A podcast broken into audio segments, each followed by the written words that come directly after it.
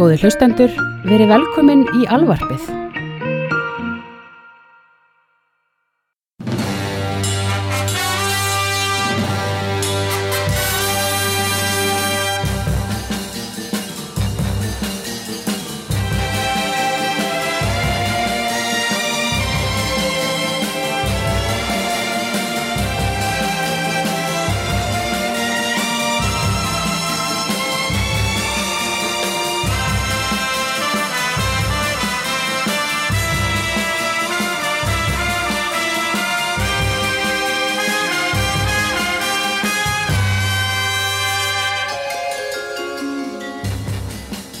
Það er uh, sorgadagur í húsi hefnenda í sögu jarðarbúa, kæru jarðarbúar.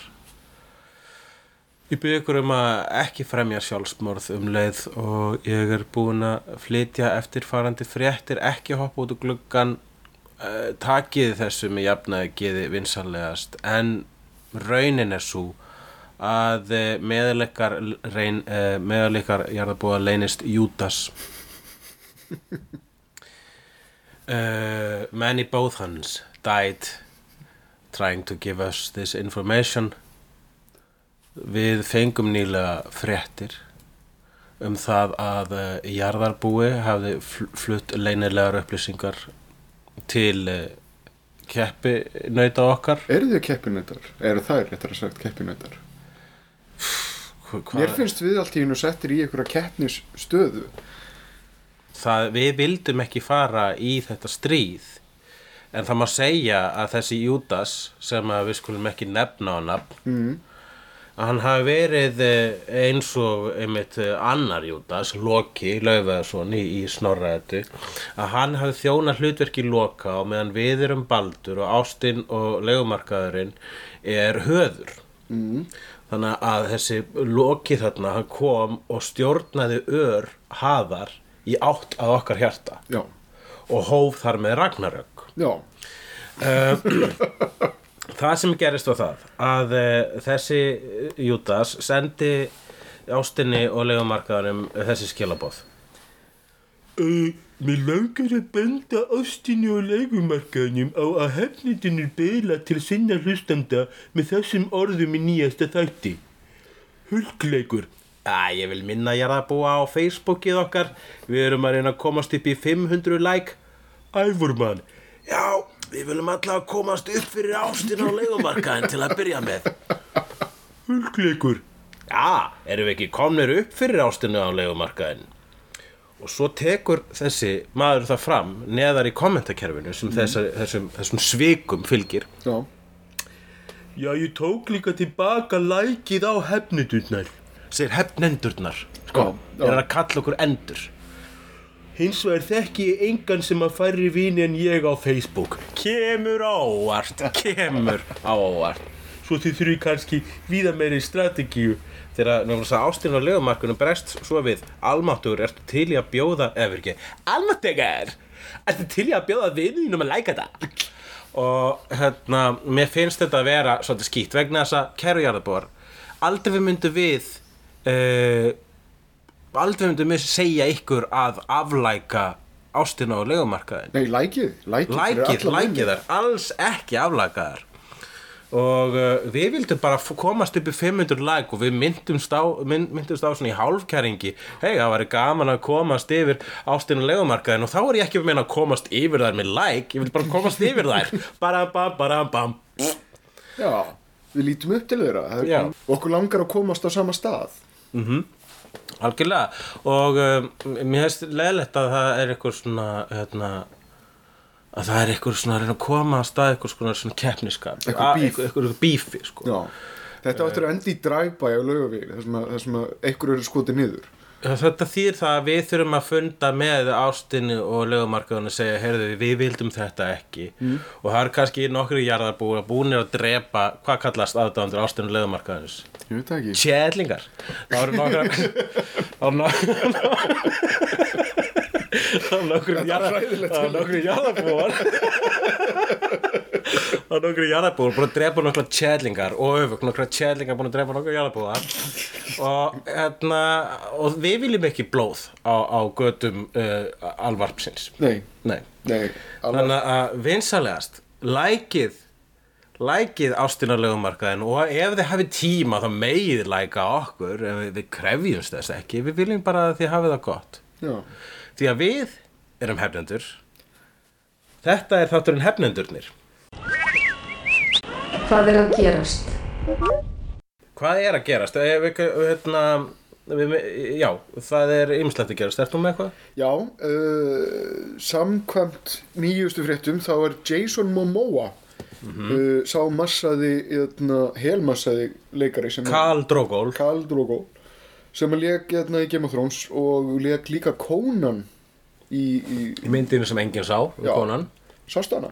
Nei, en ég frétti nefnilega því að það veri CGI blóð í henni og ég þól ekki CGI blóð ég vil hafa, þú veist, hérna kornsirup Já, ég vil hafa alvöru lítra af einhverjum rauðum vögva í bíómyndum vegna þess að sést þegar blóð er tölvugert Já. það var gert í eitt af nýlegru eh, nýlegri zombiómyndum Romeros, hérna Diary of the Dead -hmm. Og það var mjög mikið á svona CGI blóði og það tók alveg allan djús bókstallega úr því. Já, sko málega þegar ég sá þessa mynd og fyrri parturinn eða raunverulega fyrstu 10-15 mínúndar sem er svona, svona saga af honum Conan yngri þar sem hann þreytir ákveðna mandómsraun uh, það er eiginlega betra heldur en öll myndin sem á eftir kemur. Þannig að sá hluti sem er ekki með Jason Momoa það er góður hluti við myndin Akkurat, hann er, ég, hann er ekki, ég held að sé að mér fannst að vera typecast. Mm. svolítið, hann var typecastar í kjölfarið á Game of Thrones það ekki? Eða líka jafnvel í kjölfarið á hans hlutverki í Atlantis. Og þess vegna finnst mér að vera raunin pínu Atlantis, það er að segja Stargate Atlantis þáttunum. Mm. uh, og þar sem að ég veit, ég hef ekki séð það en, en að, að það að sá þáttur heitir Stargate Atlantis bendir til þess að hér er aftur verið að fara í svolítið typecast að láta uh, hann leika Aquaman sem er einmitt konungur Atlantis í DC heiminum. Já, mér finnst hann sko ég, já, en Aquaman er hann ekki ljósarður Jú, hann er ljósarður en það, það skiptir ekki öllu máli og vegna þess að það hefur rauninu annar leikari leikið hann nema það er bara ekki leikari sem til í alvörunni Vincent Chase hinn skáldaða Hollywood stjarnar úr sjóvarstáttunum Entourage leik Aquaman í Aquaman sem var leikstir af James Cameron í sögunni Entourage sem er í HBO þátturinn sem er svona um, skálduð saga úr Hollywood byggð á sönnum sögum úr Hollywood. En það, hérna, það er allt gott að blessa það má alveg stundum sveigja svona. Það trubla mig ekki of mikið þó að ég vil helst að Daredevil sé rauðahærður í uh, komandi þáttum það sem að sko málið er að, að ha- hann hefur þróast oft hann Aquaman í gegnum eh, DC Comics og hann hef, var lengi vel ákveðið svona eineltisbann hann, hann þótti voðahall og vegna þess að meðan Batman er Batman, Superman getur flóið Flash getur hlaupir hratt eh, Green Lantern er nokkurn veginn almáttugur og svo fræðveis þá er Aquaman gaurinn sem býr í sjónum og getur tala við fiska.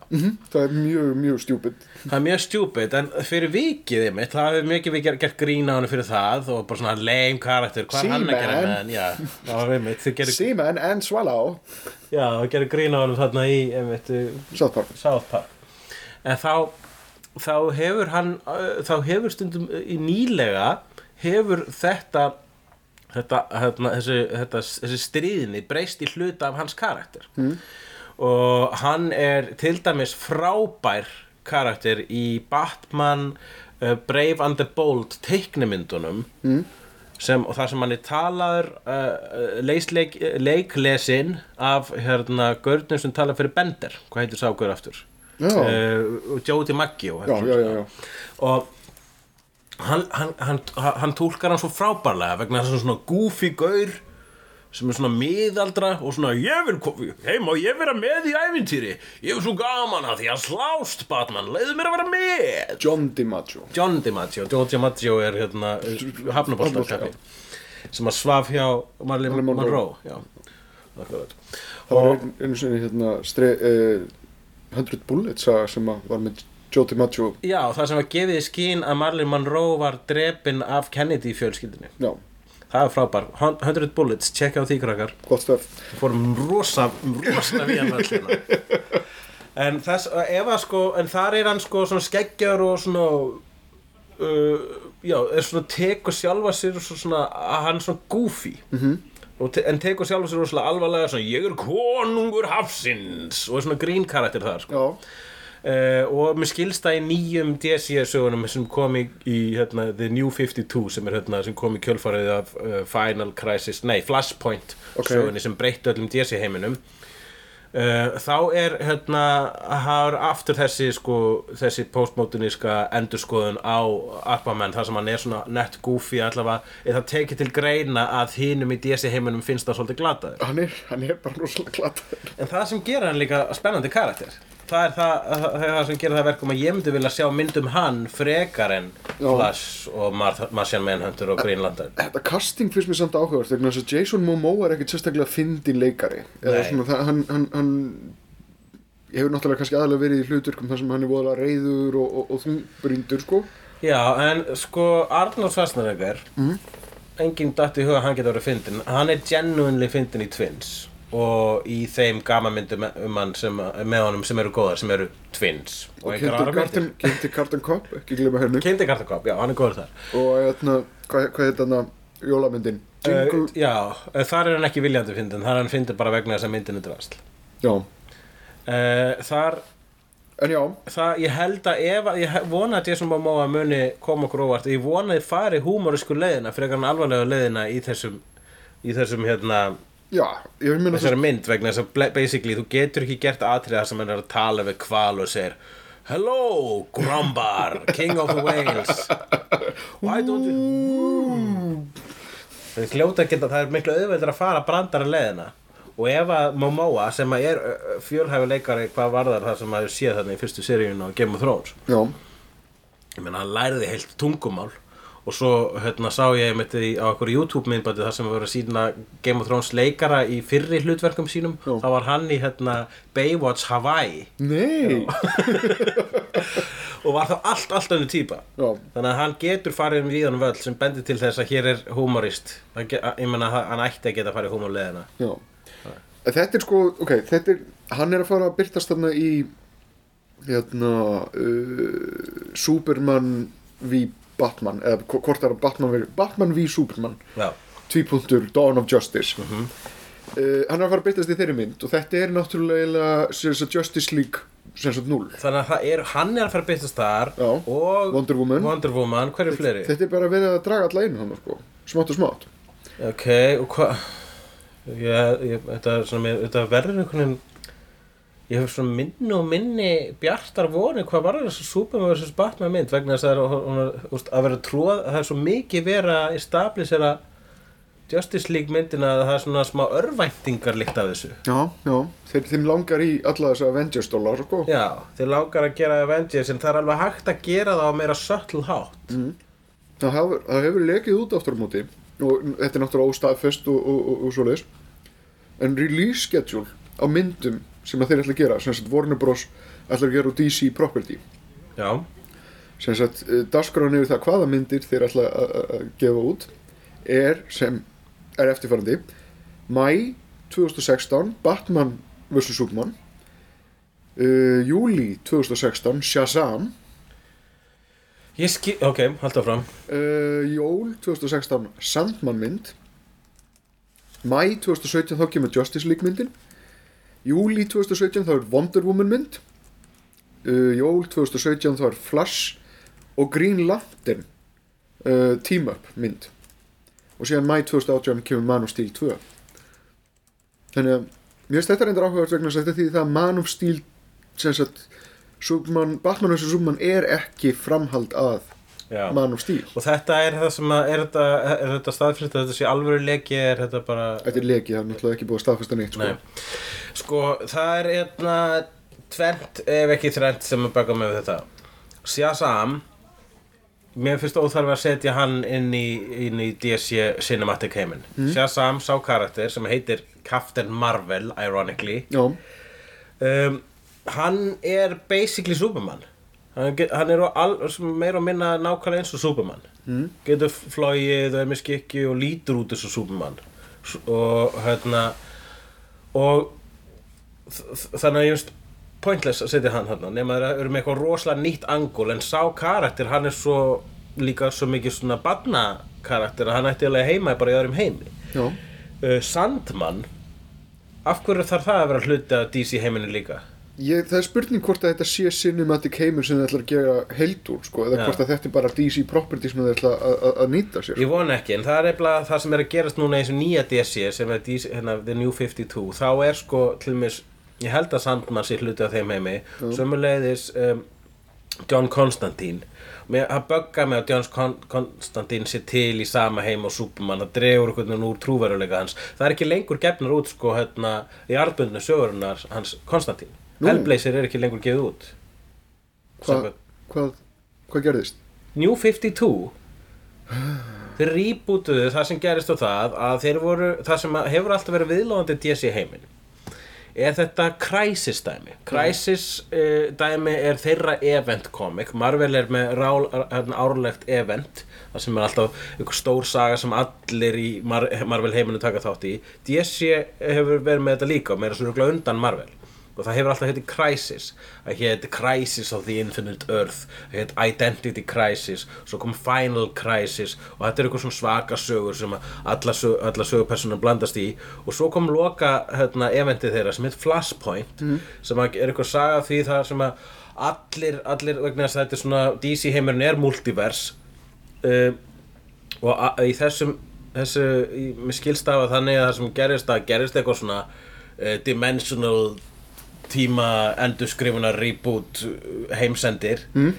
sem gera það að verkum að það kom bara nýr official DC heimur sem er blanda úrúslega mörgum DC heimum meðal annars Wildstorm heiminum sem er mjög flottur fullorðins ofriðt heimur Já. sem innihjalt Authority og Wildcats og, og Gene 13 og, og, og, og svona flotta karaktera og hérna Sleeper hérna söguna Já, og það er allt í einu orðið hluti af DC heiminum. Og nú er Konstantín orðin hluti af DC heiminum. Og það er hluti af ykkur sem heitir uh, Justice, Justice League Dark eitthvað svolítið, það er svona, með edgy hetjum.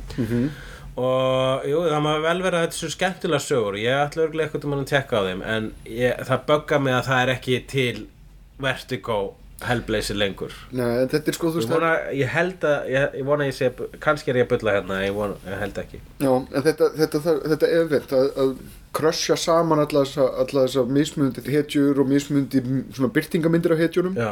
að reyna að sjóða niður í eitthvað svona eitt, einn heim ég skil ekki ástæðan okkur Þeir voru bara að reyna að fá nýja eh, lesendur mm -hmm. Voru hrættir við hvað Marvel var að gera Sérstaklega að Marvel er búin að koma svo mikið fram úr um hvað var að kvikmyndir mm. Að þeir voru að reyna svona einhvern veginn reboota heiminn svipað á Marvel gerir fyrir löngu með Ultimate Marvel sem að er eiginlega bara heimur sem er smátt smátt að deyja vegna þess að gamli Marvel heimurinn er orðin miklu vinsælli. En ég, ég er ekki að fara að sjá það fyrir mér að, að til dæmis Superman eða Batman séu eitthvað staðar. Þetta sé í sama heimi og Superman og Batman uh, þurfum við sjá Sandman Nei, það sé ég ekki og ég held að það geti alveg verið rétt og sumulegis er Hellblazer nýja serían Konstantín er ekki hluti af sama heim og Green, hérna Arrow og Flash þættirnir en það sem að þetta bögga mig að þú veist, mér finnst þetta að vera pointless vegna þess að til dæmis karakterar í, í Wildstorm heiminum eins og Midnighter og Apollo sem eru sko svona byggðir hálfpartinn eru svona alternative útgáfur af Batman og Superman -hmm. Midnight og Apollo eru frábæri þetta uppáhalds tímappið mitt í, í, í bara ofurheitjum ever. Apollo er uh, Superman típa og Midnight er Batman típa og þeir eru par, homapar í þeirri sögu og er svo, svo, svolítið svona eh, tímamóta hetjur. Hvers vegna er karakter sem er byggður á Superman núna til í sama heim og Superman? Það er hann pointless já, það virkar ekki lengur, það er ekkit point með honum hann er ekki lengur ádeila. Why bother? Já, m- og Midnight er heldur ekki lengur ádeila. Uh, þetta, þetta tröfla mig í klassu uh, og Wonder Woman kemur síðan sa- samkvæmt þessu svo varstu að tala upp þá kemur Wonder Woman myndin á eftir Justice League of America myndinni. Mhm. -hmm.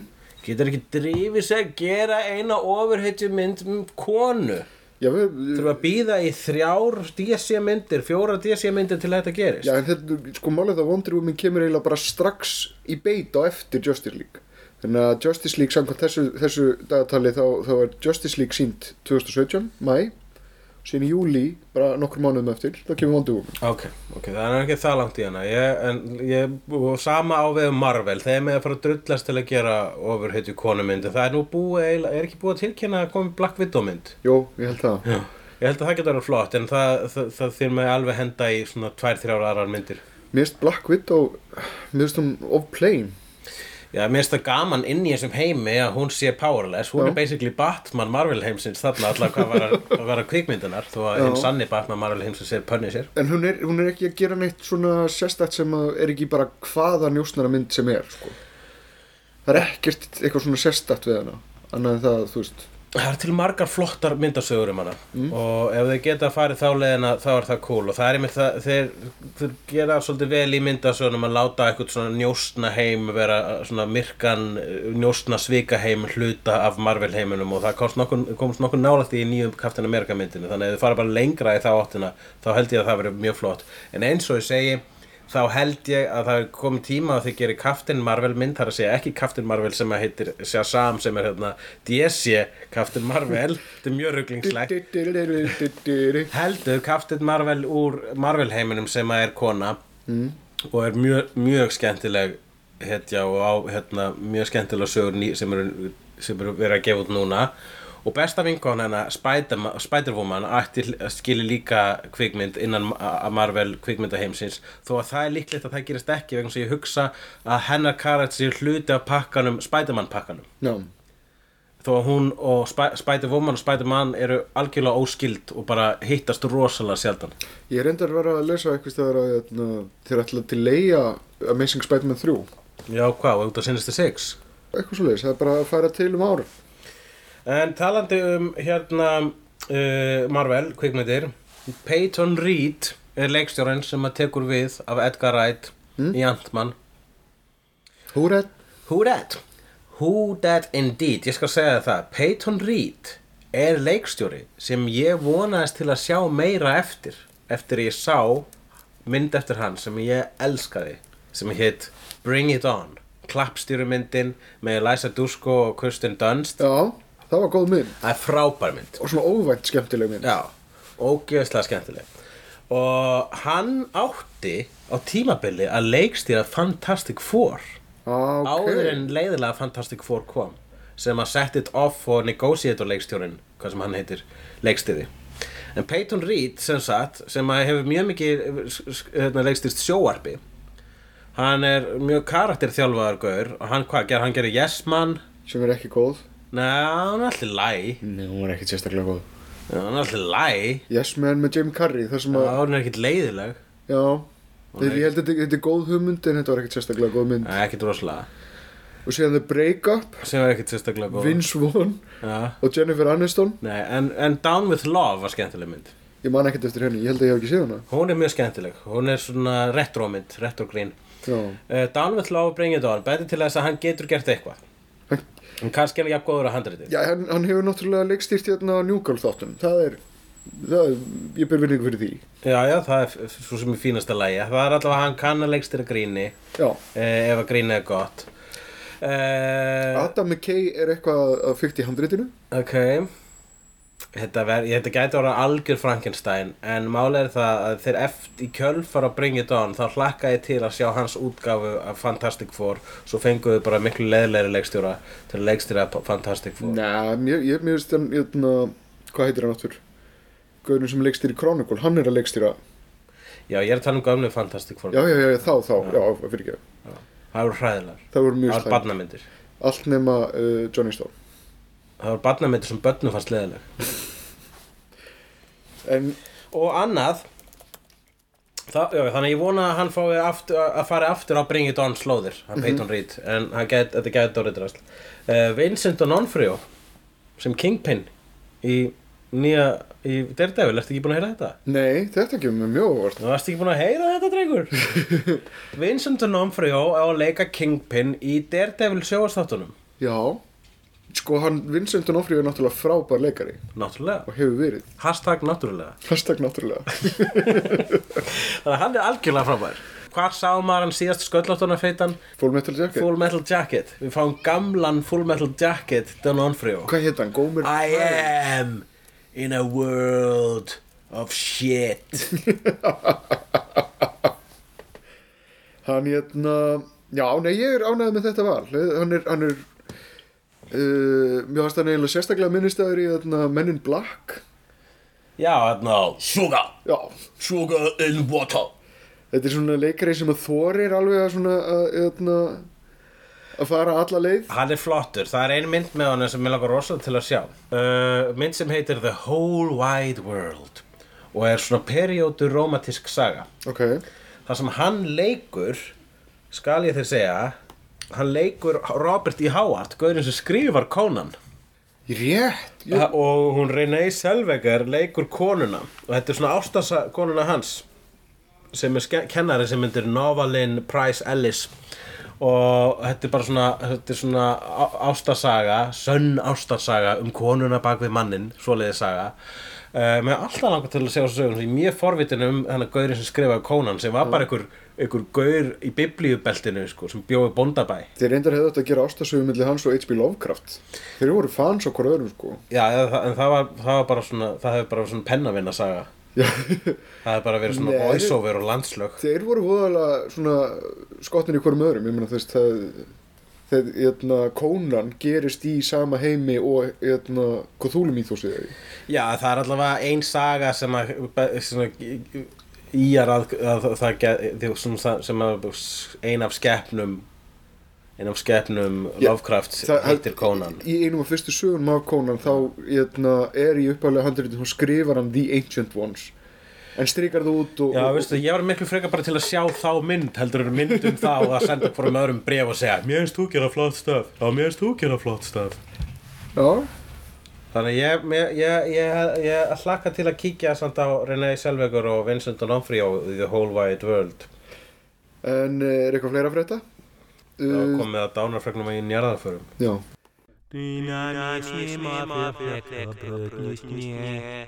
Dánarfregnir og njarðarfarir. Herðu leikarin uh, Breski, frábæri. Klikkaði, Rick er látin, Það er afar leitt já, hann var nú ekki gamall 56 ára gamall. Akkur hvernig dóðan? Það er, ég, ég- hef ekki séð neina svona skýra útskýringu á þessu. Hann náttúrulega lendi í alvarlegu slísi á fjórhjóli uh, fyrir einhverjum, einhverjum áratug síðan. Ok. Og hefur sko hann dó alveg einhverjar mínútur sko. Og sneri sem sagt aftur til lífs. Og hefur nefnilega verið að lifa á einhverjum borrowed time síðan þá. Hann var, hann, þú veist hann átti ekki að ná sér svona vel sko. Og síðan hefur hann fengið flog og eitthvað annað slíkt og það, það er það sem fjölskyldinu hefur talað um að sé mögulega eitthvað sem hafi gerst. Þegar hann gleymir að taka lifin sín að þá fá hann eitthvað flog og það bara Já. það hafi farið eitthvað svoleiðis. En ég held að við komumst að því þegar þeir krefja hann sko. Hver dánur ásöku er Hljóttu eru búin að krefja hann núna. Það tekur alveg smá tíma. Krefja svona mikið meistara uh, Hann er dansalegur. Hann er uh, Getur þú talað upp, talað upp hérna fyrirlin hans? Já, sko, náttúrulega hann vekur fyrsta aðtegli í The Young Ones. Dr. Martins, Dr. Martins, Dr. Martins boots! Sem, sem Var hann með Rick- það lag? ég maður það ekki. En hérna, uh, sem Rick. Já. Wick hann, hann svona mjög smámæltur og, og, og, og, og óþólandi Akkurát eiginlega svona proto-hipster að þetta fjallar um, um eitt svona, svona uh, típur já, ég, Pöngara og, og, og, og moddara og, og svo leiðis Ég sjálfur hérna, tek fyrst eftir honum í Blackadder 2 þar sem hann kom inn með stæl sem Lord Fleshheart. Já. Hann er frábær þar. Wolf, Wolf! Þar sem hann hérna, já, uh, neglir drottninguna uh, niðurlægir alla og, og, og slæri gegn. Hljómar sem mánudagsmorgun fyrir mér. Síðan hérna sá ég eitthvað tíman The Dangerous Brothers sem að hann og Adrian Edmondson sem að síðar gerði bottom saman. Já. Þeir voru með svona tveir fáiðar að gera áhættu atriði Á, voru þeir svona p- p- pro, proto uh, jackass? Ja, nei, þetta voru, þetta var náttúrulega allt leikið og sett á svið sko. Ah, skil. Þetta var ekki alveg áhættu atriði Nei. Þetta voru sagt tveir fáutar sem var, hérna, komu með mikið sjó upp á svið og svo við ætlum að gera þetta og þetta, þetta er alveg stór hættulegt og svona og síðan fór eitthvað óskeis og, og þeir meittu hvernig. Uh, þetta er proto-bottom, Já, bottom er, uh, það, er- það er það sem ég þekki. Já, Ég held að ég sé meira að minna allt bottom og live sjón líka. -hmm. Það er dásanlegt Og uh, það sem er leku Rick og Eddie Eða Richie og Eddie. Richie og Eddie. Og uh, það var mind-blowing stuff fyrir mér vegna þess að það var bara svo, svo, það var svo lausur taumur á þeim þáttum, það mátti allt Já. og einum þætti það sagaði annar þeirra lappirnar af hinnum og svo í næsta þætti er hann komin aftur með lappirnar og leiknar teiknimyndi mm -hmm. þau, bara fóru óksla langt með líkamsvessagrín það voru óksla mikið að ælu og þau voru óksla ofta að skýta á sig Já. og voru bara svona viður styggilegir bara svona botleðju menn en það hétu þetta um bottom live show voru óksla að fyndi allavega það er þessu upptökur sem ég sá vegna þess að þeir voru með mjög mikið hérna, mikið spuna þar mm Ég man eftir í ykkur lagsjón að uh, það er atrið þar sem hann er að lemja sem sagt Richie er að lemja Eddie með pönnu Já. í klófið og bara hamrar í hartnær held í fjóra-fimm mínútur Já. tekur smá pás og heldur sinna áfram að hamra Þau gerðu þetta, þau gerðu, þau fóru rosalega langt og jafnvel stundum of langt, þau gerðu eina svona Richie og Eddie mynd sem heit uh, Hotel Paradiso, Já, á Sástu að sjá hana. Hún er allavega heiðarlega tilraun til að gera stærsta ælubrandara í heimi. Það er, um, það er einhver, þau, þau leika einhverju gaura sem reka á hótel og annar þeirra eldar svo ógeðslega mat að allir á hótelum fá maga ma, ma, matareitrun. og æla og æla og æla. Og þessar mynd, ef mann rétt, eru bæði Monica Bellucci og, og maðurinn hennar, Vincent Cassel Ok, þau leika eitthvað svona, eitthvað svona evrósk hjón sem kom á hótelið og hann, allavega Vincent Cassel gubba svo mikið, að hann fer úr kjálkalinum og það tegist svo mikið á munnunum hann- hans, hann lafir svona niður eins og eitthvað svona mutant bólabíti og, og ég man að mér sem ég hugsaði bara, jæja. Þetta er ekki góð mynd sér satt Ég, sko, það eitt að ég sé að tala um það stærsta ælubrandara í heimi núna er allavega eitthvað sem þessi mynd gerði. Já. Uh, Annað, já, Guest House Paradiso heitir þetta. Guest House Paradiso. Hérna, uh, annað sem hann gerði var hérna, The New Statesman sem var serið þar sem hann leik Þingmann sem hétt Alan Bastard. Já, hann var svona sérstaklega samviskulaus og, og miskunnulaus þingmaður og var tilbúin að gera hvað sem er til þess að halda í völd eða fá völd þess að bara eins og allir þingmenn. í grunn Já, ég held að þetta hafi verið heimildamind frekar en Já akkurat. Hann var í einni mynd sem heit Drop Dead Fred, mm. það ekki? -hmm. það, sem að, það var Hollywood tilraunin hans. já, Það sem að hann leka móti Phoebe Gates, Phoebe Cates, Phoebe Cates sem að leikur í Gremlins Gremlins og, og, og Fast Times at Richmond Já, High. akkurat um, Þar ég, það, eh, hann er svona ímyndaður vinur. Hann er ímyndað vinur. Hann leikur, þú veist, hún er orðin fullorðin stelpa sem að, og ímyndaði vinur hennar frá því barnæsku kemur aftur og hann leikur ímyndaði vinur sem heitir Drop Dead Fred. Já, og það er ekki nógu mynd en í þeirri mynd er eitt fyndnasta atrið sem ég séð sem ég ætla aldrei að horfa aftur vegna þess að ég veit að það er ekki að fyndið við að horfa það í dag. Mm. en það er svona nokkru sinnum á æfinni ég veit um kannski þrjú, kannski fjögur skipti þá hef ég hleyið svo mikið að ég hef dottið úr stólnum. Já, og það, eitt af þeim atriðum er í þessari mynd. Það er atrið þar sem að hún er eitthvað að borða, út að borða með einhverjum öðrum aðila. Já, og hún, hún er svo einu sem sér Fred. Og Fred er svona eitthvað að fokka í hennu og ætlar að taka diskin hennar. Já. og hún grípur um diskin og heldur um diskinu frá henni. Þannig að hún er svona lift, hann tjóðst að lifta diskinum aðeins upp og hún ítur um aðeins niður. Fyrir hinum gestunum við veitingahúsinu þá er eins og hún sé bara svona eins fast hún getur um diskin og svo lifta hún hægt upp og síðan aftur niður. Og ég hló ógeðslega ógeðslega mikið að þessu. Eh, ég þór ekki að horfa á þetta atriða þetta er góður Já en já, blessaða kallinn. Blessu sér minningans RIP.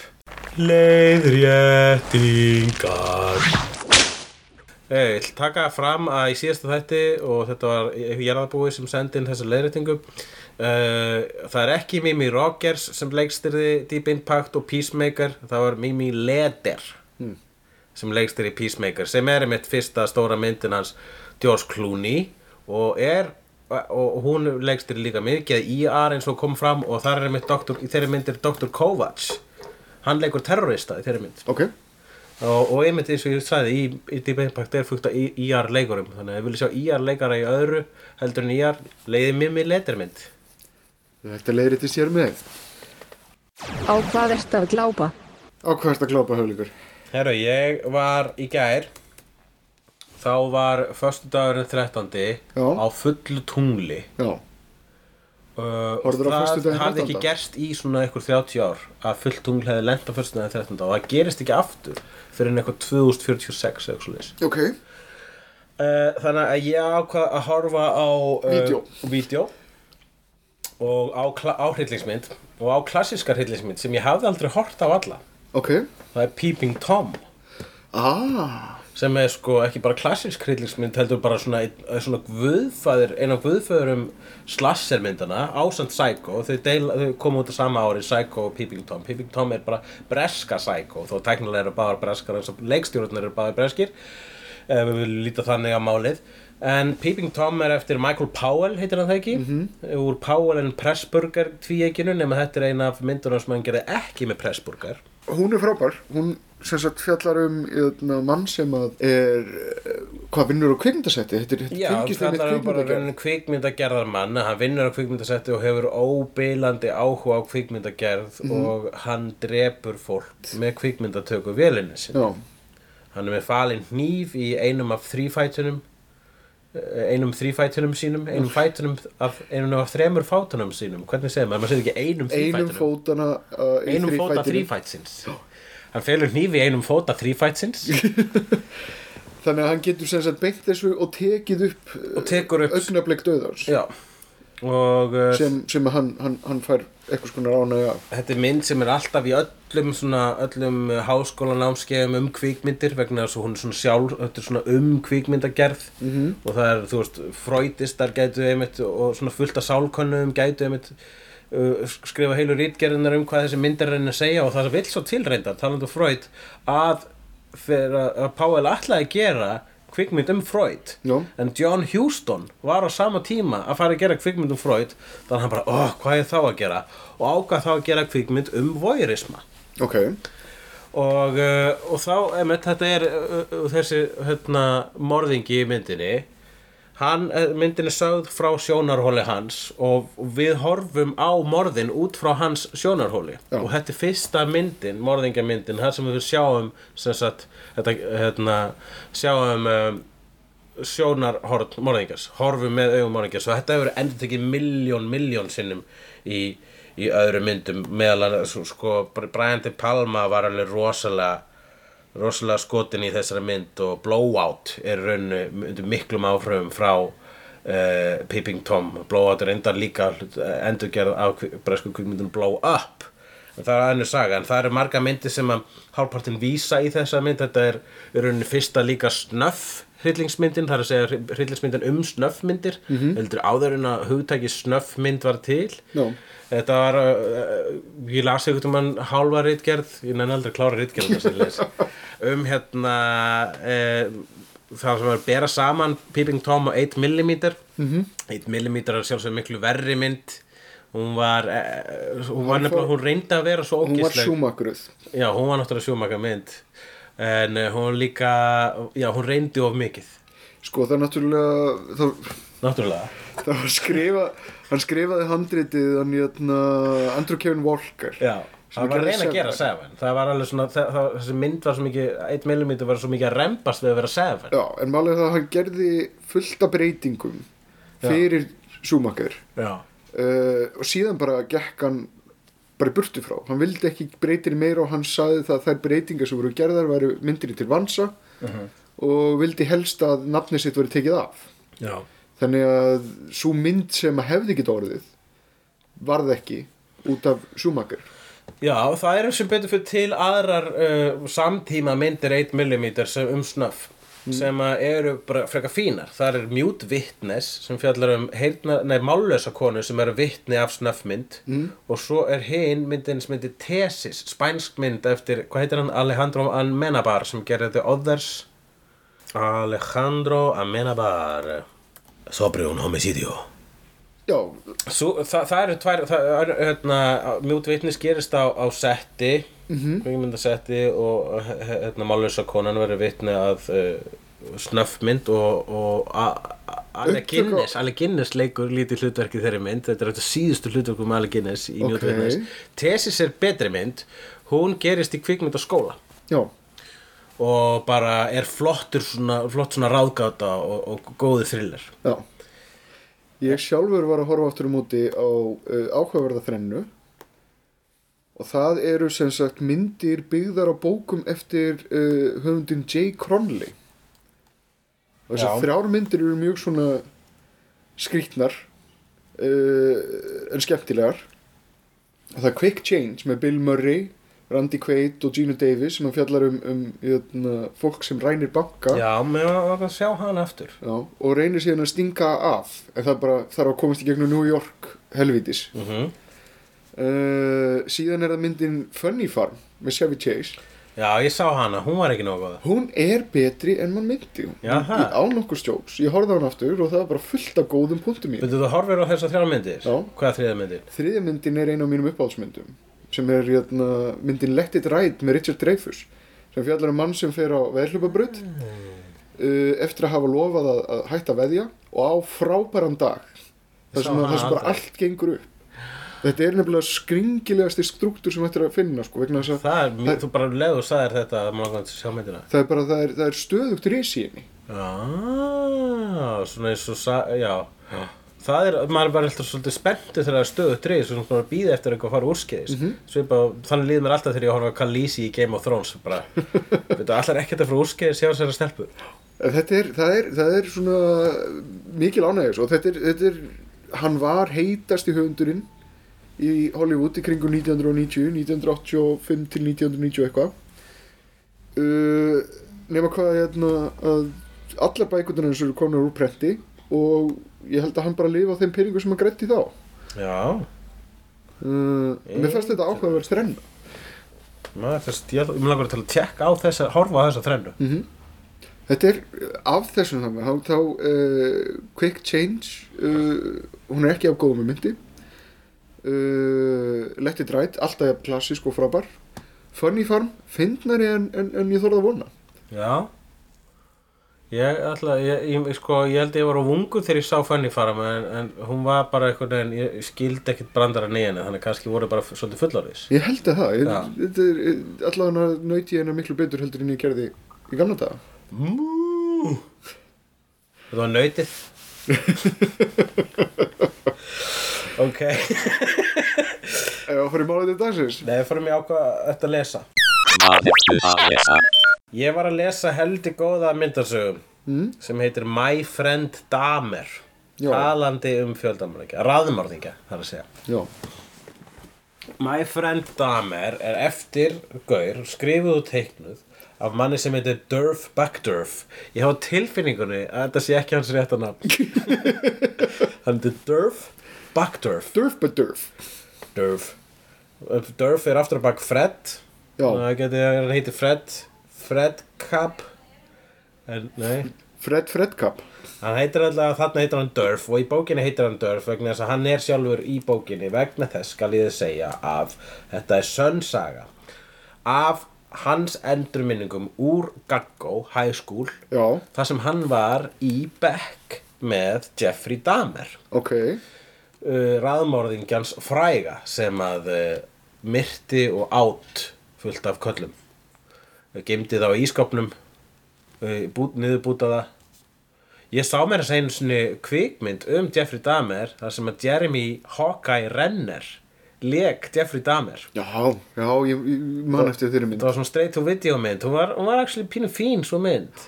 Hún var alltaf sko, reynd, ég man ekki kannski var hún ekki það fín, hún var nóg fræðandi. Mín mest mesta vitneska kemur úr um Dahmer kemur núna úr uh, þegar Dahmer myndir með Renner og síðan þessari myndasögu um, það er en ég skal segja það að hún Catherine Bigelow þú var réðan til að leika í hörtlokkur þá gerði hún það vegna þess að hún sá Dahmer myndina mm?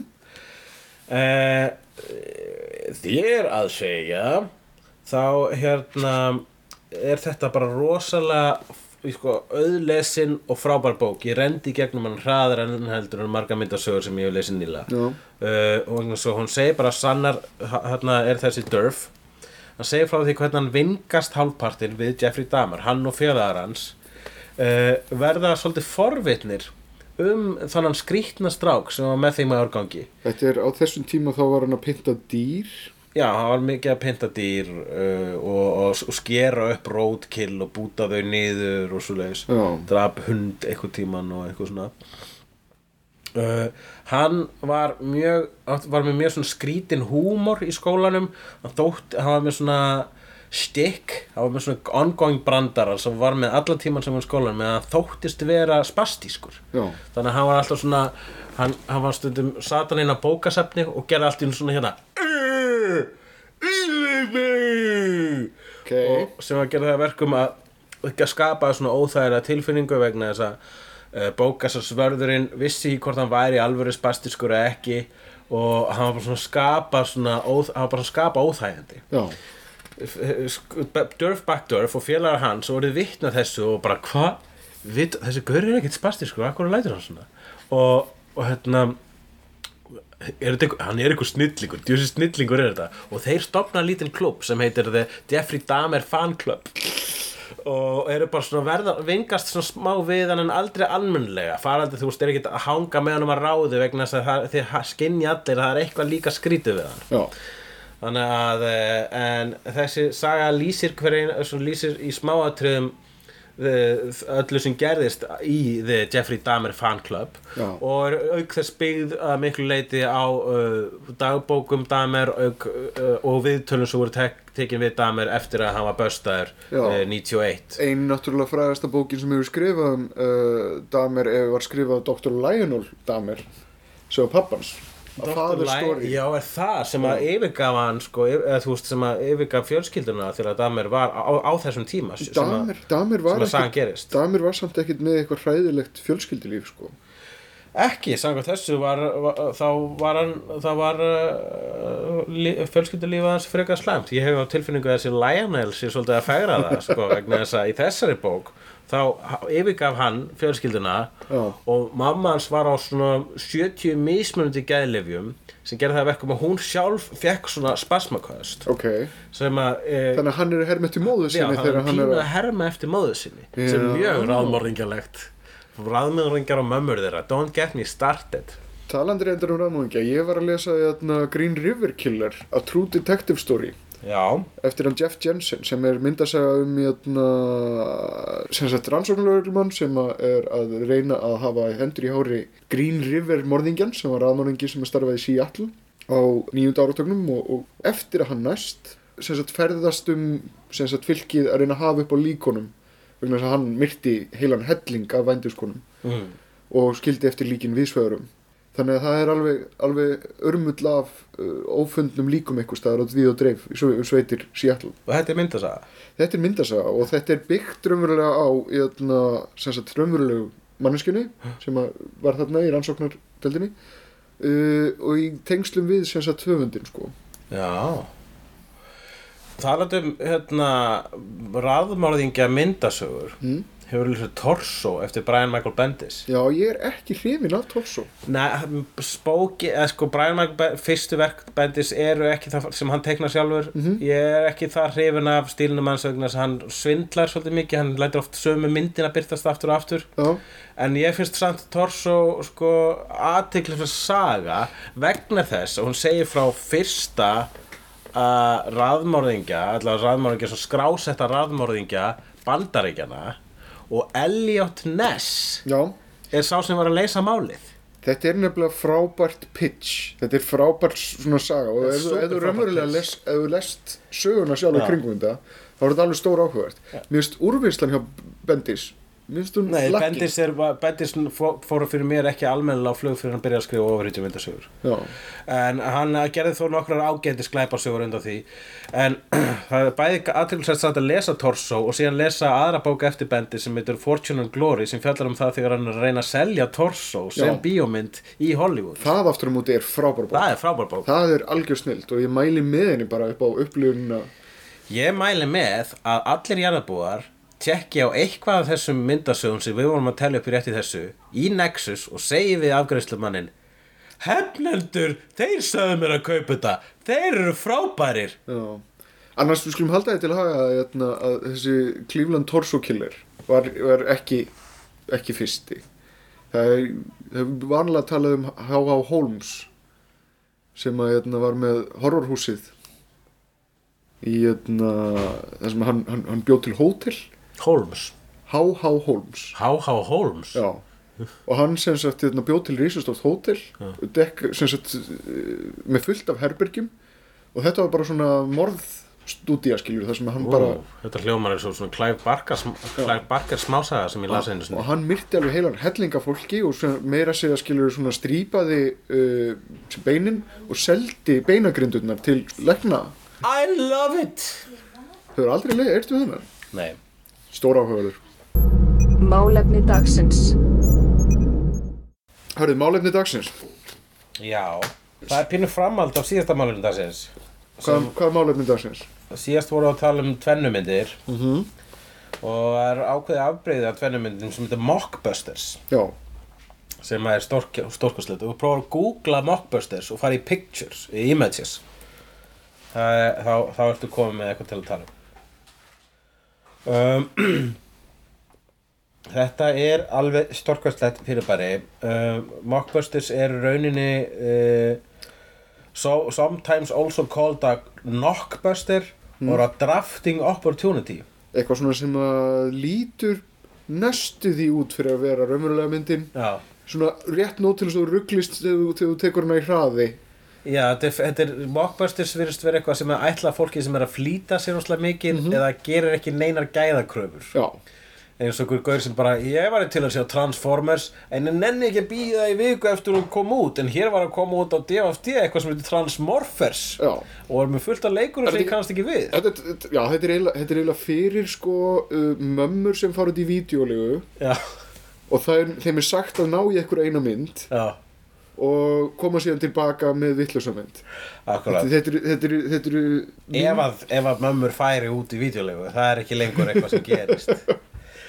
En uh, þetta, er, þetta er líka ákveðið sem kallast piggybacking það er að segja að fara á háhest hérna fer, fer, þetta er svona smá sníkudýr í rauninni sko. já, þetta er reyndari, þetta er stór áhugaður listi hérna, hvað ertu með þetta fyrir fram að ég er að sjá hérna Gremlins og það er einhver mynd sem heitir Hobgoblins. Já, það þetta er gammalt fyrirbæri. Það, já, kom Hobgoblins í kjölsfæra Gremlins. Sem er samt, ég held nefnilega alltaf að Critters væri, væri eh, Gremlins kópuringin uh, Critters er Gremlins kópering nema Critters bara varð er bara svo skemmtilegt. Það er, uh, það er svona eiginlega telst ekki með sem mockbuster vegna þess að það er bara varð sjálfstætt fyrirbæri út af fyrir sig. Já. og þess er Critters í rauninni veistu það, en satt, sko, Critters er sko horror útgáfuna Gremlins Mm. en þú ber saman Critters 1 við Gremlins 1 þá er sko miklu meira mannfall í Gremlins já, Það eru bara einhverjum tveir gaurar sem deyja í Critters. Ég var að endur horfa á þetta um daginn og þetta eru- þ- þáttur eru stór skemmtilega myndir. Það voru alveg,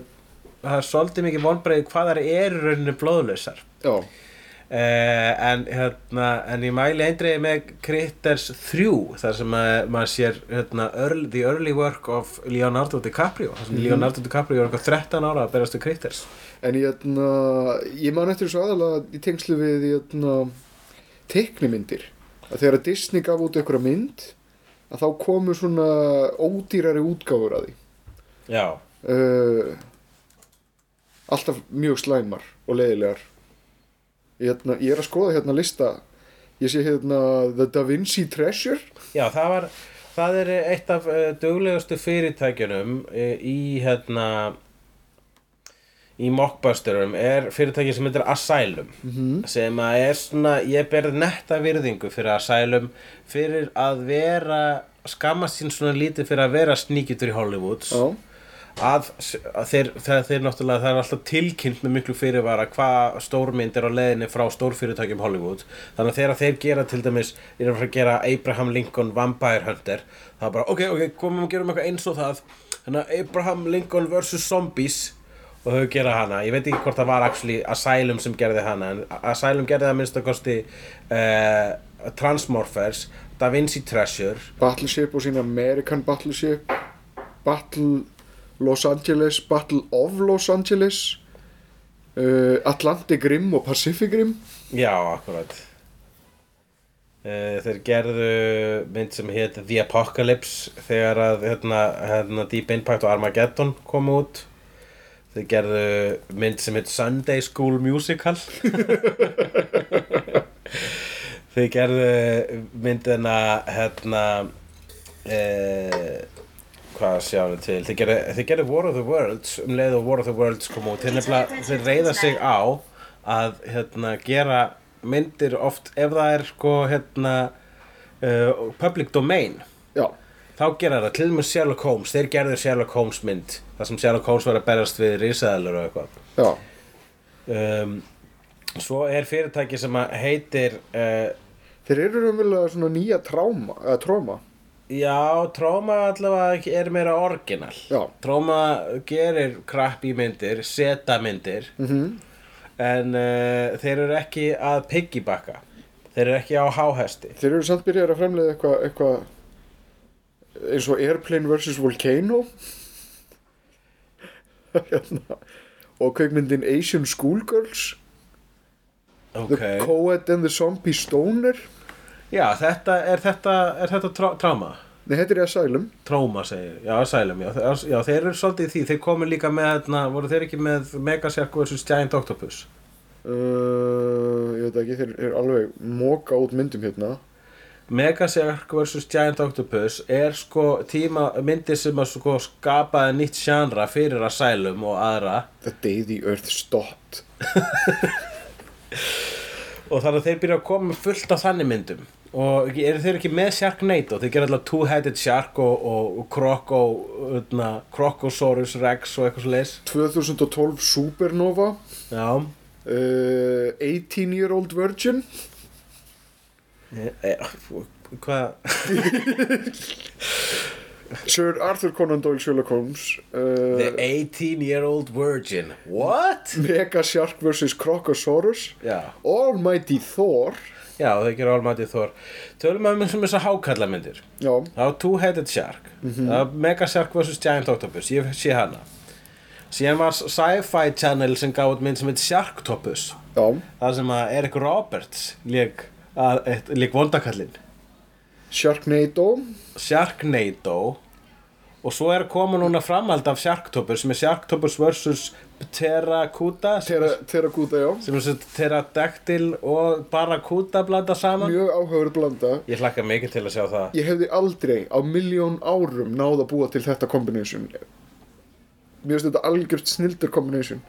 Þeir eru að gera Sharknado 2, the second one Já, akkurat, það er svona það er aðeins of meðvitað sko. Og síðan er Mega Shark vs. Mecha Shark Akkurat, þeir mættu aðeins fela það betur hvað þeir eru mikið að fýblast í manni en mér finnst það einhvern veginn virðingavert að græða á vegna þess að basically sko uh, Hollywood er að mata okkur með því sem við viljum og græða á því. Þeir eru svolítið, við erum svolítið svona hérna mú, við erum bara svona einhverju svona skeppnur fyrir þeim. -hmm. en það er svo, þú, við erum bara svona einhverju neytendur einhverju svona he heilalur svín sem að geta allt sem er leggja fyrir framann okkur. Það er svolítið eins og sko hérna Asylum séu svínin eru byrjað að taka yfir. Já, svínir eru byrjað að gera svona, svínafæði sjálf sem ég finnst, að mér finnst eitthvað beautiful við það. Sko, það er hérna á uh, Wikipedia, það er listi yfir sem sagt hérna myndir sem að þeir hafa gert. Og uh, til hliðar við á þessu lista þá er tekið fram nákvæmlega hvað er verið að mockbustera já, og þeir eru til dæmis með H.G. Wells War of the Worlds Já. á móti War of the Worlds. Uh, það er eitt hérna áhugavert uh, þeir sem sagt piggybökkuðu á Hobbitan. Sem sagt þeir gerðum ætluðu að gera myndina Age of the Hobbits já, en gátt ekki gert það síðan Lord of the Elves. Ætlaðu að- skýra hana það. En enduðu síðan á Clash of the Empire já, já, já. Þannig að að- mátti ekki gera mynd með orðinu Hobbit í. Nei, það er vist, það er vist, jötna, það er vist bannað. Nei, ég meina það er, það er náttúrulega fullt hérna, Pirates of Treasure Island, sem er, uh, þá eru þeir að reyna piggybacka Pirates of the Car Caribbean. Uh, Dragon, sem að er í grunnatrjum bara Eragon. já, Uh, Alien vs. Hunter, Alien vs Predator Já, Aliens vs. Hurt er ég eftir að sjá Mér langar held ég mest til að sjá Transmorphers mm. En það er sko Þetta er, mér, eins og ég segi, mér finnst þetta mjög fyrirgefilegt Þeir gerðu líka Snake svona train sem uh, enda með því að heil snákur borðarlest just because Mhm. en það er til annað svipafyrirtæki sem heitir Good Times Good Times Entertainment eða Good Times, jú, Entertainment. Já, þeir ein, einbyndu sér að barnamyndum. Það þykir mér svínslegra. Ok. Vegna þess að krakkar þú veist, og það, þá er verið að reyða að segja á sko að hérna að afi og amma sem veit ekki betur hérna, ná í einhverja mynd fyrir krakkarna og ná til dæmis í kvikmyndina The Little Cars. Eða Tiny Robots. Eða kvikmyndina Ratatouille eða myndin What's Up? Balloon to the Rescue. Og þetta er allt, Dis- þetta er allt sem er að apa eftir Disney myndum Þeir reynda að fengu eina tvennu uh, hjá Asylum. Þegar þeir gerðu The Princess of Mars. Já, þá voru að herma bæði eftir Avatar og John Carter. Já, þeir eru byrjað á því að herma eftir Avatar. En síðan kom John Carter þannig að þeir gáttu bara einfallega að re-releasa sömu mynd bara breytt hitlinum í John Carter of Mars Já, en þetta er sko, hefur verið gert alveg bara, ég meina, þú veist, að mokka aðra mynd, að herma, það hefur verið gert frá upphafi. Ég, Mér finnst þetta fornilegt, ég, maður spyr sig hvernig þeir velja myndirnar til þess að, að kópura Þeir, þeir bara gíska á hvað, þeir meina, það það er nokkuð ljóst stundum hvað mun hala inn pening. Mm -hmm. Þegar það var tilkynnt að ég gerði Transformers mynd, þá var nokkuð víst að fólk myndi fara á þá mynd. Já, En uh, hérna, þannig að þeir, þeir hugsa bara þannig. Þeir hugsa bara eins og Hollywood. Verður þetta vinsælt? Líklega. ég geti reynda að trúa því að Android Cop sé betri heldur en Robocop endurgerðin Já, ég skal alveg trúa því. Ég var mikið til að sjá Android Cop. En það að herma eins og eftir hérna uh, að það að herma eftir öðrum myndum, það er bara ekkert nýtt og þannig verða oft nýjar myndir til samanber Critters sem Já. að varð eitthvað svolítið nýtt sem var til út af því að herma eftir Gremlins. En hérna það eru síðan sko, það er ekkert ósvipað að bara að þetta er, er rauninni bara ákveð form af exploitation. Að ge, taka eitthvað sem að er vinsælt eða taka eitthvað sem kittlar kittlar mannfólkið þá stundina og gera eitthvað, eitthvað kvikmynd úr því. Samkvæmt þessu, það verið vin, Asylum vinnur þannig að þeir framleiða mynd frá hugmynd að uh, loka vöru á einu við fjórum mánuðum Já, ok, það er nokkuð cool. Ég er hérna með eitt leikstjóra sem er með vinnur mjög stutt. Þetta er frægur seta myndaleikstjóri sem þetta Bruno Mattei Ítalskur, hann uh, lest 2007 uh, fættur 31 Hann gerði svolítið marga myndir á sínum ferli. Ég skal telja þar upp. Mm. Það var fyrst SS Girls og svo kom SX, nei, SS Extermination Love Camp Ok, Eftir sem sagt hann gerir þá ákveða að gera svona SS exploitation hérna sexy stelpur í SS búðum uh, exploitation sadomaso myndir vegna þess að það er vinsælt á stundina. -hmm. Svo gerir hann Emanuel's Erotic Nights Svo kemur hann Emanuel and the Porno Nights Sexy Night Report. The True Story of the Nun of Monza. Hell of the Living Dead. The Other Hell. Porno Holocaust. Calicula and Messalina, Nero and Poppia, Violence in a Woman's Prison, Woman's Prison Massacre. Séru ferli, séru minnstrið þetta, hann, hann mockbustir að sína ein mynd. hann gerir alltaf eins mynd strax á eftir. Það, ég held að hann gera eina mynd og svo bara verður ágangsefni Já. og klippir það saman og setur næsta mynd. Seven Magnificent Gladiators. ok, Rats, The Night of Terror, Monster Shark, White Apache, Strike Commando, Cop Game, Robo War, Strike Commando 2, Zombie 3, Zombie 4, Born to Flight, þetta, Fight, þetta er bara maður sem velskar að búti bíó. Killing Striptease, Snuff Trap, Land of Death, Mondo Cannibal, Killing Striptease 2, The Jail, A Woman's Hell, Island of the Living Dead og svo á lokum, ironically enough, heitir síðasta myndinans Zombies, The Beginning. sem er framhald af Island of the Living Dead. það er, sko, það er eitthvað virðingavert við það að vera á botninum fyrst mér, sko. Já. hann er eiginlega svolítið mockbuster meistari vegna þess að hann gerði eina myndur sem ég taldi upp sem heitir Shocking Dark mm. Áður en að hann þurfti að breyta nafninu á þeirri mynd þá hétt hún Terminator 2 Vá, það er all in.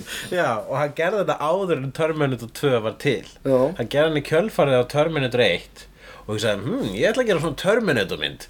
Og gerði mynd sem er Terminator 2 Er þetta þetta áhugavert vegna þess að Terminator sjálf er byggð á, á jötna, um, hvað hérna, Demon with a Glass Hand eða eitthvað líka sem hann jötna, uh, Harlan Ellison skrifaði. Já, akkurat, akkurat. Jú, ég man eftir, ég hafði eitthvað heyrt það. Það, það Við erum svolítið að þokast að sömu niðurstöðu Og vorum þegar við vorum að tala um er endurgerðir Og raunin líka þegar við vorum að tala um tennumyndina Allt er remix. Já, og það er uh, hérna, og það er bara svona mis, misgóð remix. Tyrkirnir eru sérst, með sérstakann stíl. -hmm. þeir eru með mynd sem að heitir allavega á þú veist, þegar maður googlar þeirra mockbusterum þá er til mynd sem er bara einfallega kallið Turkish Star Wars. Já, þar sem þeir taka ekki þeir sem þeir búa til sin eigi Star Wars og klippa inn atriði úr Star Wars. Það er rosalega bold. Já, það er bara, það er bara ekki, sinni- það er ekki einu sinni löglegt. Það er það bara svo, ég held að þeir hafi svolítið ekki lett í það miklu vesin út af því það er bara, Já, ég meina, það eru kannski engin lög sem ná yfir þetta í Tyrklandi. Nei, hvað ætlaði að gera? Þið verða að hætta þessu, já, kontu á einhver og banna það. Það er það er líka til Turkish ET, talandi um það, mm? það er, ég mér ákveða til að minnast á frægasta mockbusterinn, allavega þann mockbuster sem ég sá með þess að í bíó, og það er kvikmyndin Mac and Me.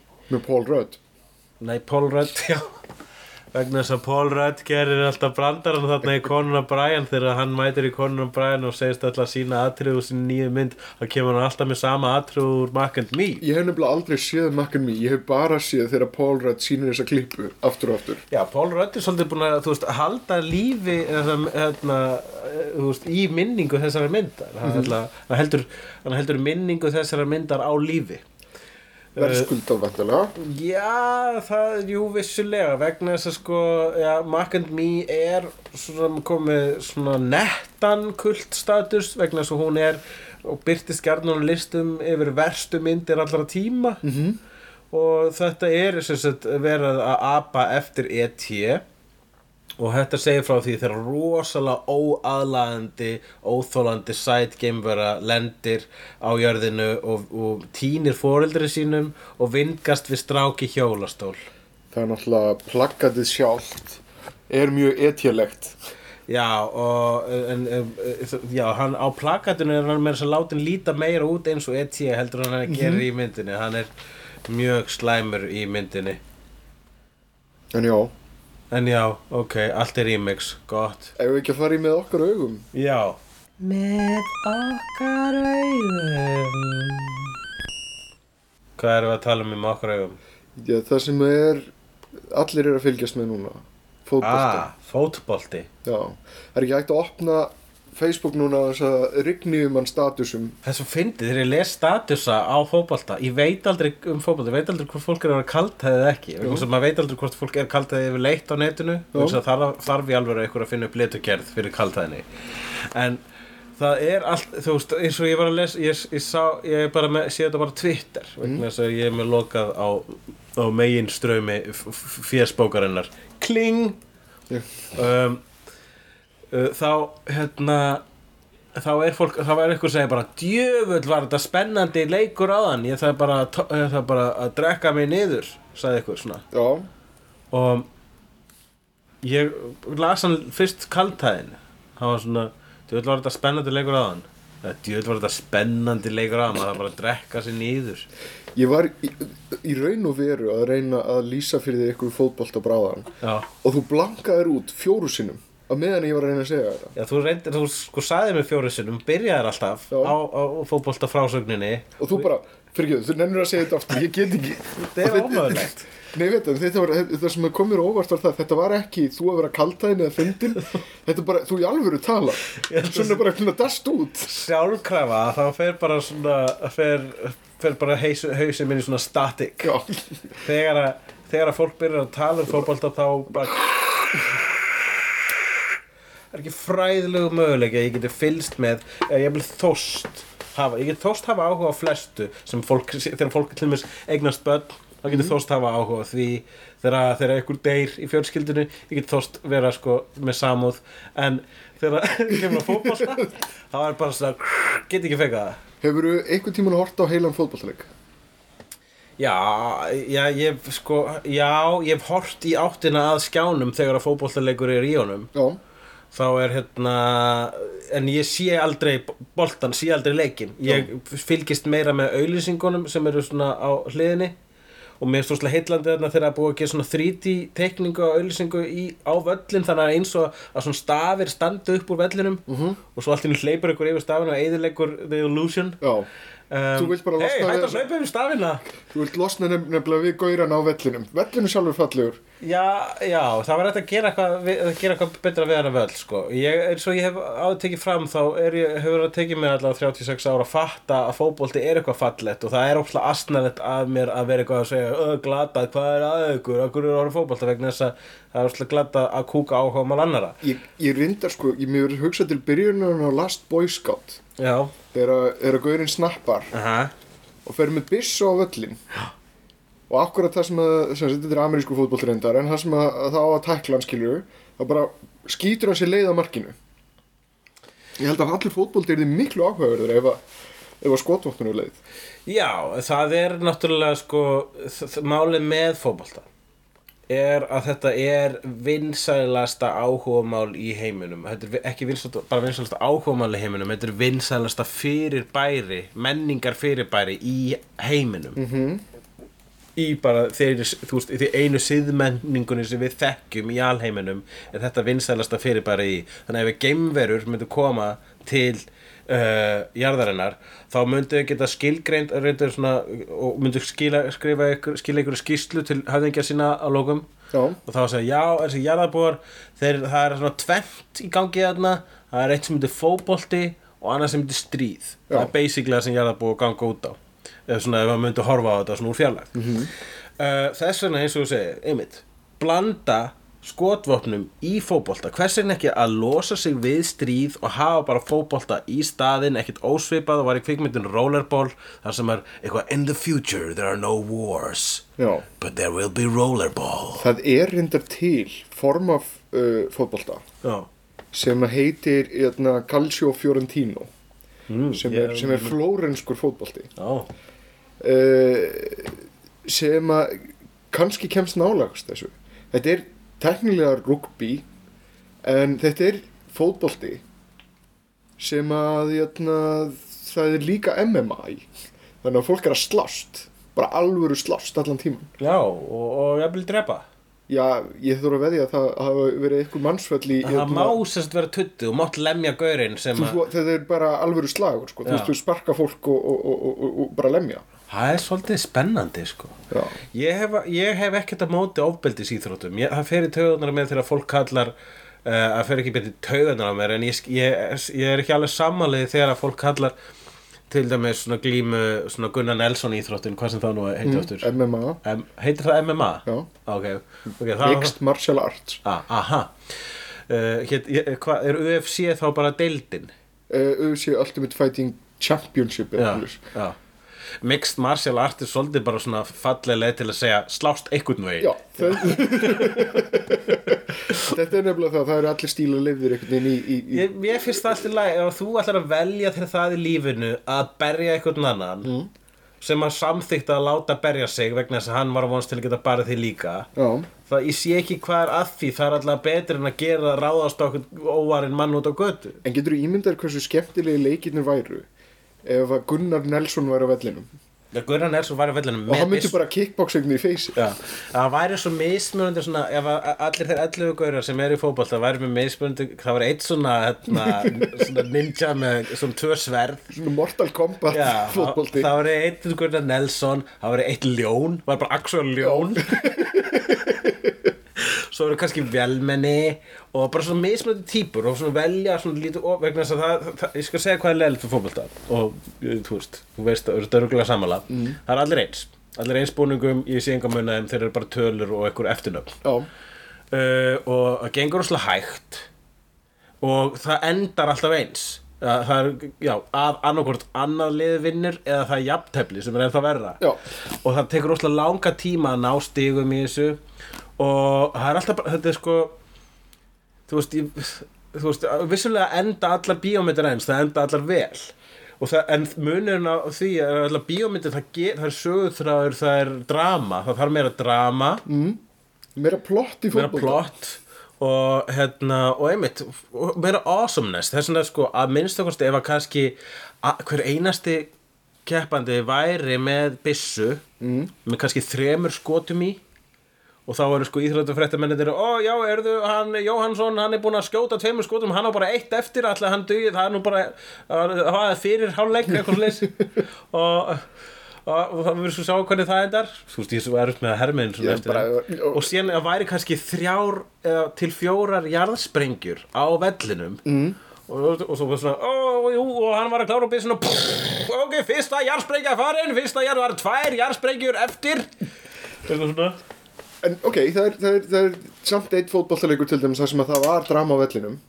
Já, þegar hann var að stangað þannig ha, þegar einn gaur hérna stangaði sí, hvað, hvað heitir hann aftur? Zidane, Síðan eða Zidane, ég veit ekki hann er mest á með að segja seta þetta. í nafninu sinu eins og svona alvöru vondukall. Þetta var síðasti leikurinn hans Og Já. svona, hann, hann, Síðasti. Hann bara, síðasti. Hann hérna, sem sagt er hann á vellinum og, og, og, og þetta er bara, hann ætlar að hætta í fótbolta. Uh, og síðan lendir hann í einhverju orðaskaki eða eitthvað og, og, og, og sem sagt stangar mann. Já, akkurat. Já, Það er drama, það er vissulega drama. Það er alveg plott í því. Hvað, það var ekki, hinn, hinn gaurinn sagði eitthvað við hann og þá ákvað hann að stanga hann. Hann hefur Já. eitthvað sagt eitthvað svona Star Wars er, Star Wars er verri en Star Trek.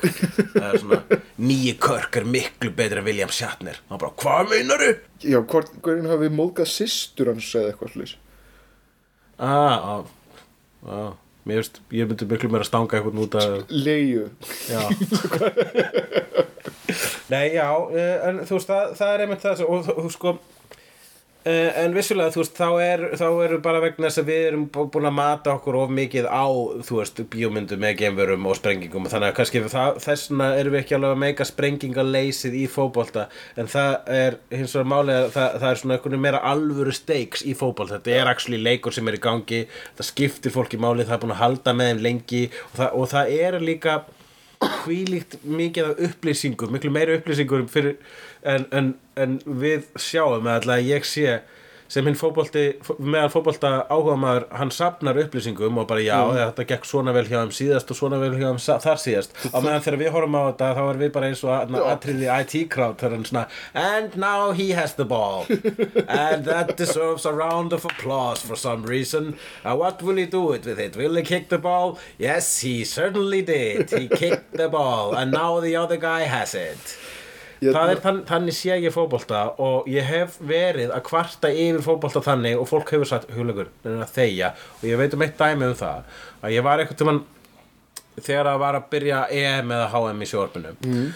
Og þá voru sko hérna, þá sendu feministar hérna, rúf opið bref kæ, opið bref, bref til rúf, kæra rúf nennið að hafa fleiri kalla í umræðinu um fótbolta. Nei, meir, nei þetta sagði það ekki. Meiri konur í umræðinu um fótbolta. Og ég ákvað að gera svona smá að ganni. Já, bara svona að flippi smá svona, svona spúf af þessu brefi já, og ég sagði, ég ger skrifa svona opið bref til rúf núna þegar EM er að fara að byrja í sjóarpinu nenniði kannski bara að sleppa því og sína hérna, Derrick, endur sína Derrick í staðinn. Og, og þetta var eitthvað svona ekki sérstaklega góðu brandari, en ég sett hann að ganni bara vegna þess að svona ég, ég hérna, þarf að flagga mínu identiteti Já. sem uh, nörd. Út flippaður gaur, skaman að gera, hluti. Og þá fekk ég komment Já. og þau voru ekki góð. Það var meðal annars einn bara góði vinur sem bara svona, æ, hugleikur þannig að hætta þessu helvítis væli. Já, og það er mitt málið, fólk verður svo veit, þetta eru náttúrulega trúabröð sko. Já, þú mátt ekki skýta yfir fótbolta. Og bara guð hjálpi þér að þú gerir grína okkar strákum eftir að þau er búin að taka leik. Mm. þá munur sko fríðelskandi bestu viniðinir lemja þig. Það er bara þú, það er, þetta er nefnilega svolítið merkilegt. Og þetta er líka kallað fram smá hræsni. Og ég er fullur af hræstni sjálfur þannig að ég skil alveg hvernig það er að, að, að upplifa hræstni í sjálfur sér. En það kallast maður hræstni í fólki e, að það er bara svona haha, hvað eru þessir helvitis ofsatrúa menn í útlöndum að trúa á Guð og Jésu hvað er að þeim?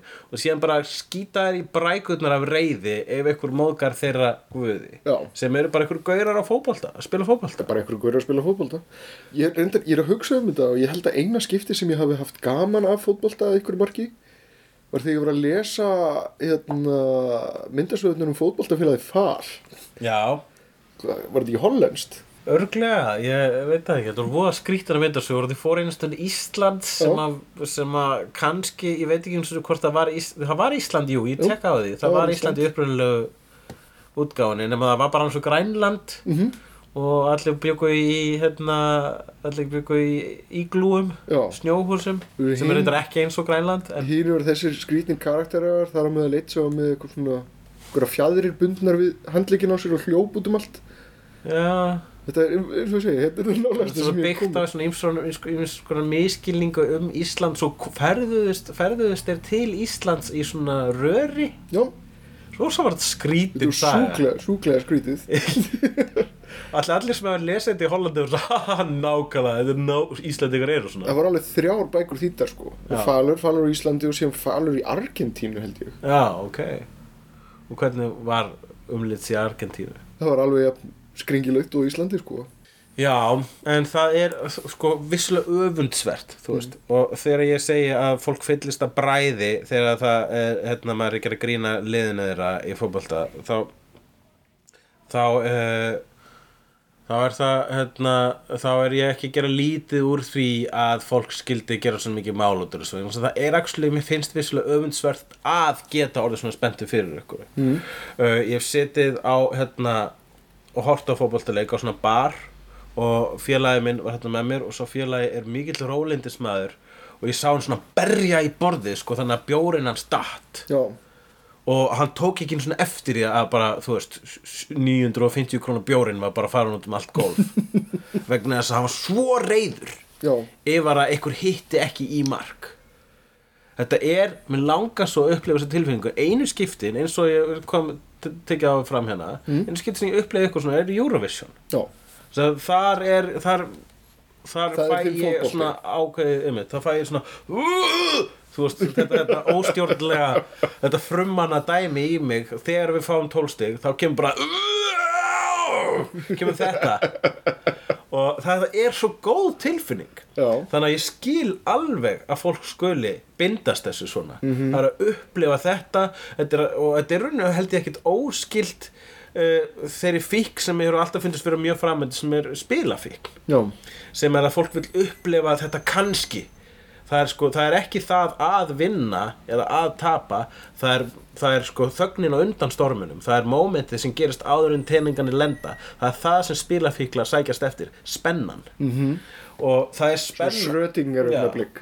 og þetta, já, þetta srödingar augnablik og, og þeir, og fótballtaðandótt reka upp ákveðið svona srödingar öskur þegar að, þegar að það er svona allt í hennu vegna þess að þegar þetta er að gerast og þegar mm fótballtinn er að fara í lending mark þá eru þeir svona og vita, hvort sem að þeir það er áður en boltin er komin í mark eða framhjá markinu það er bara yeah! og svo er það "Ah!" eða "Ah!" Það tvær, þessar tvær típur. Og þetta er eins og ég segi mjög heillandi. Mér lang- I want to go to there en ég mun aldrei, ég mun aldrei geta bundist þessu tilfinningarlega sko. Ég- nema í kvikmyndum. Já, horfir á eru fótboltamyndir fyrst þér það er skemmtilega íþróttamyndir. Já, uh, ég get ekki hort að ég, þú veist, ég, Major League. Þegar ég sá hana, ég veit ekki hvort hann góð í dag. Major League hana með Tom Berenger og Wesley Snipes og Charlie Sheen. -hmm. Þegar ég sá hana er svo æðisleg. Já. það var það var frá Police Academy á baseballvelli. Og, en ég hef farið sérna á baseball leik. Hefur farið á baseball leik? Nei. Sko, ef þið fannst fótbolti leiðilegur. Já, ég held nefnilega að í Simpsons þá hafa þið svarað þessu þegar hann, Homer fór edru á hafnaboltaleik Já. og áttaði sig á því hvað þetta var leiðilega. Já, það, það er, ég veit, þegar maður horfur á baseballleik, þá sá ég, og ég er ekki einu svona íkja, ég sá ekki hvort það var verið að spila leikinn eða ekki.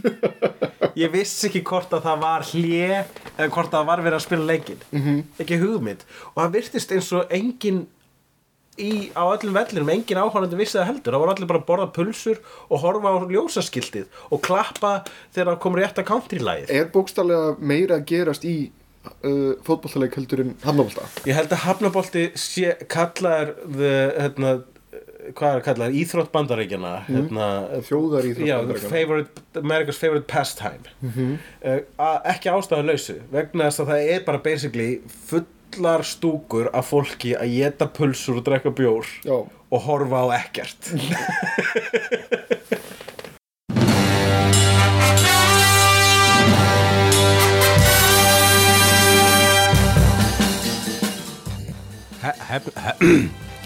Hefnundurnir voru Jóhann Ævar Grímsson og Hugleikur Dagsson